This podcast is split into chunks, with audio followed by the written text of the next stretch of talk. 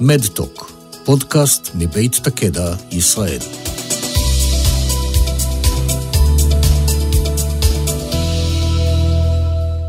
Welcome to Med Talk, Takeda's podcast. Today we are broadcasting from MedTech Ra'anana, the third annual destination conference. My name is Eliane Hattis Kurgan, and today we are very excited to have with us Dr. Samuel Cronin, Healthcare Innovation Manager from the UK Israel Tech Hub. Dr. Cronin, how are you? Very good, thank you. How are you? I'm great, thank you. It's nice to meet you at this conference. And you, thank you for having me. I wanted to know a little bit about the, or a lot actually, about the UK Israel Tech Hub. What is its mission? What do you do there? Sure. The UK Israel Tech Hub is a British government initiative operating out of the British Embassy in Tel Aviv.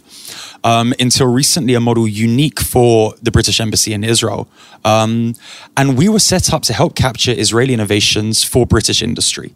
So the former uh, British ambassador to Israel, a man named Matthew Gould, who is currently actually heading NHSX, which is the world's largest digital health initiative, um, identified that there were technologies in Israel that were of value to British companies, simply that these companies in the UK had no idea um, that these technologies existed or how to capture them. So we were set up to capture them for the UK and to help ensure that the British companies are the first to know about these technologies. Fantastic. And how long have you guys been uh, active? We've been active for about eight years. Our last uh, numbers were taken at about six and a half years. In six and a half years, we had built 175 uh, concrete partnerships between Israeli startups and the UK, with a total deal value of 85 million pounds, so about 100 million dollars, and the estimated impact to the British economy of that was about 1.1 billion dollars. And we're active in a variety of sectors as well as healthcare, smart cities, mobility, fintech, insurtech. Um, and all of our companies, all of our clients in the UK are um, known brands in the UK GSK, AstraZeneca, Jaguar Land Rover, Rolls Royce. Every major British bank works with us. How does that work with m- most of the companies that you mentioned, or many of them actually have offices already here in Israel? So, do you work you work with those as well as with British companies that don't have a presence in Israel? Yes. So the companies that we work with, um, it really varies. Some of them have uh, operations in Israel. Um, sometimes these operations, when you look, for example, at, uh, at some of the pharma companies, uh, historically at least, were focused more on um, marketing and sales and less on looking for innovations. Um, but part of what we do is, in addition to sort of uh, technology scouting in a sense, we also do the earlier stage, which is the innovation consulting, sitting with these companies, helping them understand what the challenges are that they're facing, what's going to deliver the greatest ROI, um, and really approaching it from a needs based approach and uh, solving their problems rather than uh, looking for the you know nice, sexy, exciting technologies. And so, the types of startups that you're scouting for, that you work with, do they have to, is it proactively searching for them, or do you have like an accelerator or incubator? How No, is the program structured? We're very proactive. Uh, so I, I usually spend about half of my week out of the office meeting with startups just to know who's doing what, what's going on, so that when I'm having uh, a kickoff call with one of my clients, and we work very much based on, on projects with defined start and end points. When I'm having a kickoff call with them and their team and drilling through what the problems are that they're facing, and often these calls at the, the first call um, can be very sort of uh, eclectic and all over the place as you're bringing together a bunch of different people with different thoughts and ideas. Um, and as they're detailing some of the problems they're facing, I'm sitting, you know, sketching down the names of companies that might be relevant uh, for the problems they're facing as I drill deeper and deeper. So I'm in a constant state of looking to know who's doing what, what's going on, what companies are succeeding, which companies are failing, um, to have a good network in the ecosystem as well to, put simply, separate the hype from the truth.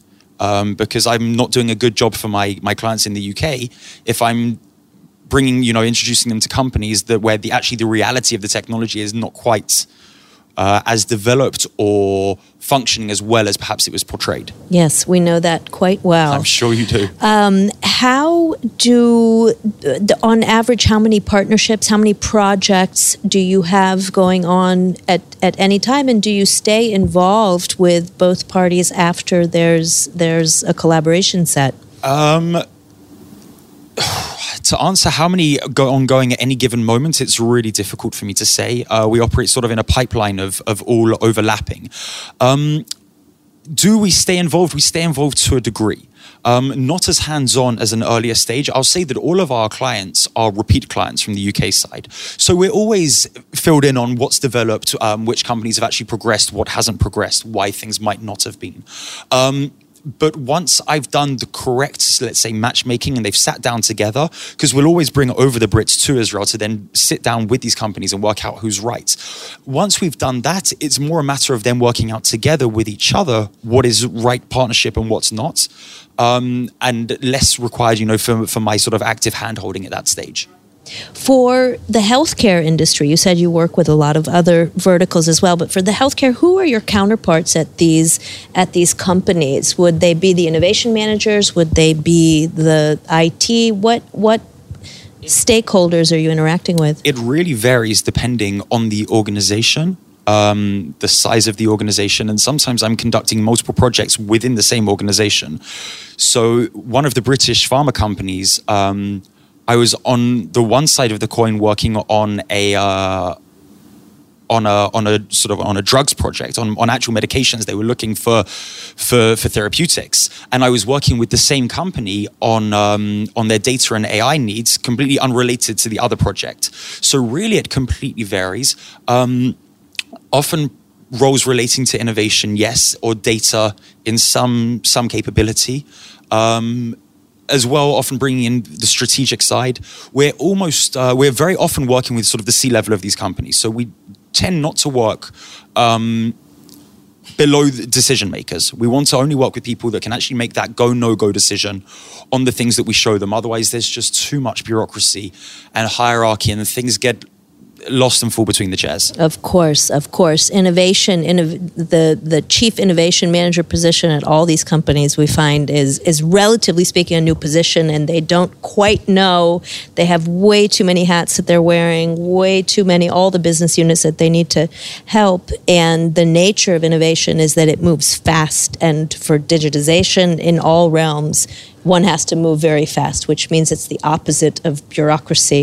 Exactly. Um, as far as the UK market, so what we know that for at least in the past, uh, up until recently, the U.S. is the market, the only market that any Israeli startup is looking at, and uh, they they tend to forget that the world is wide and large, and especially in healthcare, everybody is uh, a human being and has the same health needs, or at least they exist. Uh, so, what do you find in t- what challenges in terms of interesting the Israeli startups, or how do you go about it? So, let me begin by saying that uh, the UK's healthcare system, the National Health Service, is the largest healthcare provider in the world. It covers 60 million patients. It's entirely taxpayer funded. It's free at the point of care. Um, the way I sort of describe the model is you have the US uh, at one end of the spectrum, this privatized healthcare system. You have the UK at the other end, and the Israeli model sits somewhere in between. Now, the NHS is a national treasure. Uh, in the UK. Brits are incredibly proud of it. It's overburdened, underfinanced, in desperate need of innovation.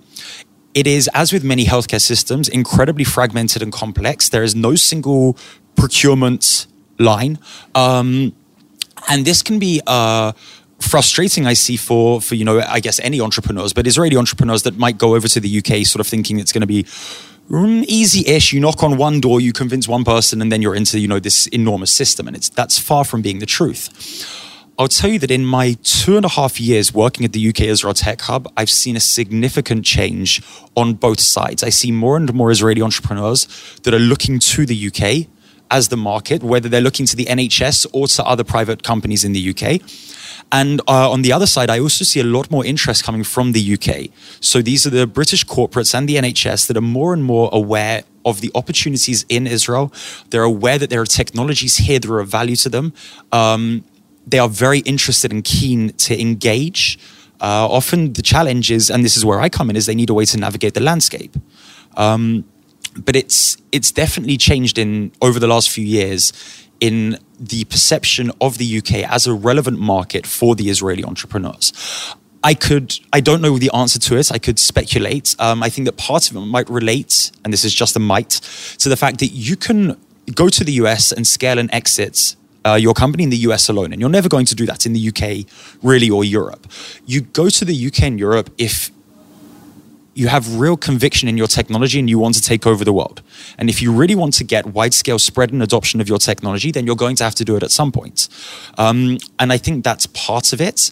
Uh, and and also we've been working a lot over the last few years to build more bridges between the UK and Israel and to make it a more accessible market, to make it less of this intimidating, I hate to use the word term black box when we're talking about uh, AI all the time in black boxes, but this intimidating black box.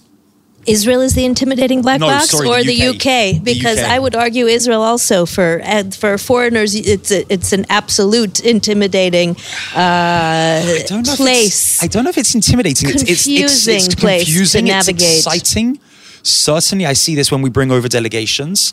Um, it is intimidating in their perception of it before they arrive here. Right. Often, people come over to Israel and they're expecting either sort of you know downtown Baghdad, um, or or a place like Oman with you know desert and desert stretching, Right. and then a city popping out of the desert, and then more desert between each place. Where And they are all the and- camels, right. Exactly. exactly. Right, very funny. Um, it's uh, very interesting the point that you made about a startup that would want to go to the states would be able to to scale and make an exit just in the U.S. market and not do that alone in UK or in Europe. However. So does that in, imply that the startups that would be interested, more interested in the UK, are really much more early stage, the ones that are looking for their MVPs? Which stage startups do you normally work with? No, I think I think that it. I don't know what you know the real explanation is for it, but um, it's not necessarily early stage. It can also be the later stage. It's also I see the more seasoned entrepreneurs um, who perhaps went one route with one thing and now you know want to. Uh, have either learned as they have experienced as, as they've developed and you know see that as the right opportunity um, so there are two things that, that I've put together over the last few years. One is a, a an MOU that we signed with an organization called the NHSA, and that's the Northern Health Science Alliance. And this organization is based in the north of England. Uh, it brings together now 24, it was 20 different organizations. They were research intensive universities, uh, large teaching hospitals, uh, what are called academic health science networks, which help ensure that innovations re- that reach the patients. Uh, and this organization covers a patient population of 15 million people. And this was an MOU to enable Israeli startups to access the clinical research environment in the north of England. And this came off an observation I had, which was that too many Israeli entrepreneurs had been unsuccessful in the UK, and I felt that they had been unsuccessful because they had gone with market ready technologies. And I would say to them, um, if you want to sell your company to Takeda, you're not going to go to Takeda tomorrow and try and get them to buy. You're going to start cultivating that relationship in advance, and you need to do the same thing in the British healthcare system, which, for the reasons I've described earlier or alluded to, is um, a nervous healthcare system, and rightly so, when it doesn't have quite the right resources. So my attitude was get to the UK as soon as you can. Start doing your clinical studies there, generate your data there, and in so doing, you'll find your champion or champions. And when you've got your champion standing by you and supporting the development of this technology for the next two years, let's say, until you're market ready, by the time you're market ready, you've got your network, you've got the people in place to help you, the people who can say, I've supported this development for the last two years, and this is a technology that we need and has validity. Um, so I do encourage the earlier stage companies to get over as soon as possible, um, but by no means is that a, is that you know a, a limiting factor. Let's say. So you are essentially a, a right hand arm person uh, for their go to market, specifically in the UK, Well, truly the that- advising. uh, the way that we actually work is that, um, and the, the way I explain it is that I, my, I'm not uh, interested in pushing Israeli technologies. I'm interested in pulling the British need. Um, and part of this comes, you know, we see too many, I, what I'd say, is, uh, solutions here that address perceived needs rather than real world needs. And this is a, a, real challenge. Now, what we're doing is we're pulling the need from the UK of these companies over to Israel. And I'm sitting with them, really understanding what's right about the solutions we're seeing here, what's wrong about the solutions. And in so doing, I'm understanding what they actually want to pay for. And just as importantly, why they won't move on certain technologies that perhaps we think are really good here. And they explain what's wrong with it and why they're not prepared to move on it. Um, so so I'm not a go-to market for the Israeli companies. I'm actually a market access for the British companies to get to these technologies. Now, in so doing, I end up help the, helping the Israeli companies get to market, but that's not my my goal and that's not the where i come from. I really come from a, a, position of addressing the real needs from the uk side. Okay it is. After all a government initiative you said that's exactly. based out of the okay so just a few last questions.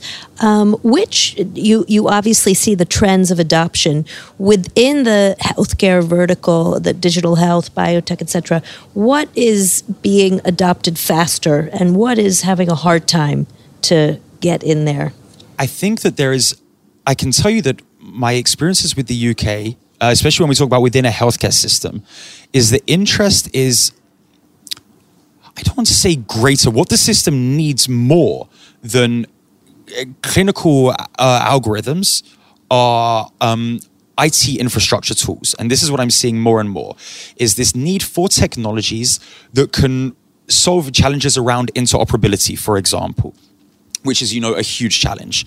I see, especially coming out of the UK, and this is really something that organizations from the UK, healthcare providers, I mean, where the public or private are very interested to learn from Israel, is around interoperability. Um, where technologies are succeeding and failing, I can't put it down to specific types of technologies.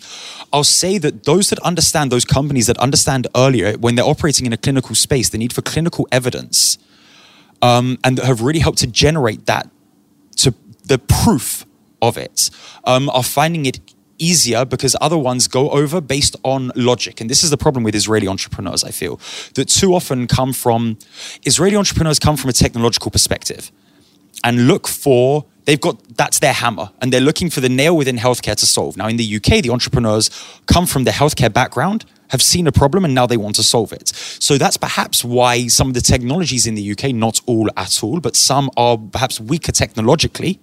And the Israelis are good technologically, but they haven't studied workflows in a deep enough level, uh, for example, and they're not addressing the right questions around generating the right evidence and, and regulatory pathways and so on and so forth. So you are facilitating that in order to promote promote the business and help uh, UK businesses here and innovate. yes, in a manner of speaking, but I'm also interested in just supporting the ecosystem on the whole here. Um, so I, I'm always prepared to meet with startups, you know, regardless how many meetings we have, you know, can vary, but I'm always happy to sit with people. I'm happy to share from my experiences and my insights. And I'm very fortunate to sit in the position of having conversations with so many British, British based multinationals. And going back to this point about really understanding what are their needs and what they're prepared to move on really helps inform me and therefore to also inform these startups about things that they might want to change and tweak in their strategy or product to make it a, a more desirable product, let's say you sit in a very exciting position in the middle of a lot of crossroads. That's fantastic. I what do. your your my last question to you is where do you see uh, the UK Israel Tech Hub in five years, which is infinitely far away mm. in internet terms, high tech terms? It's an excellent question to think about where we were as an organization and as a team five years ago.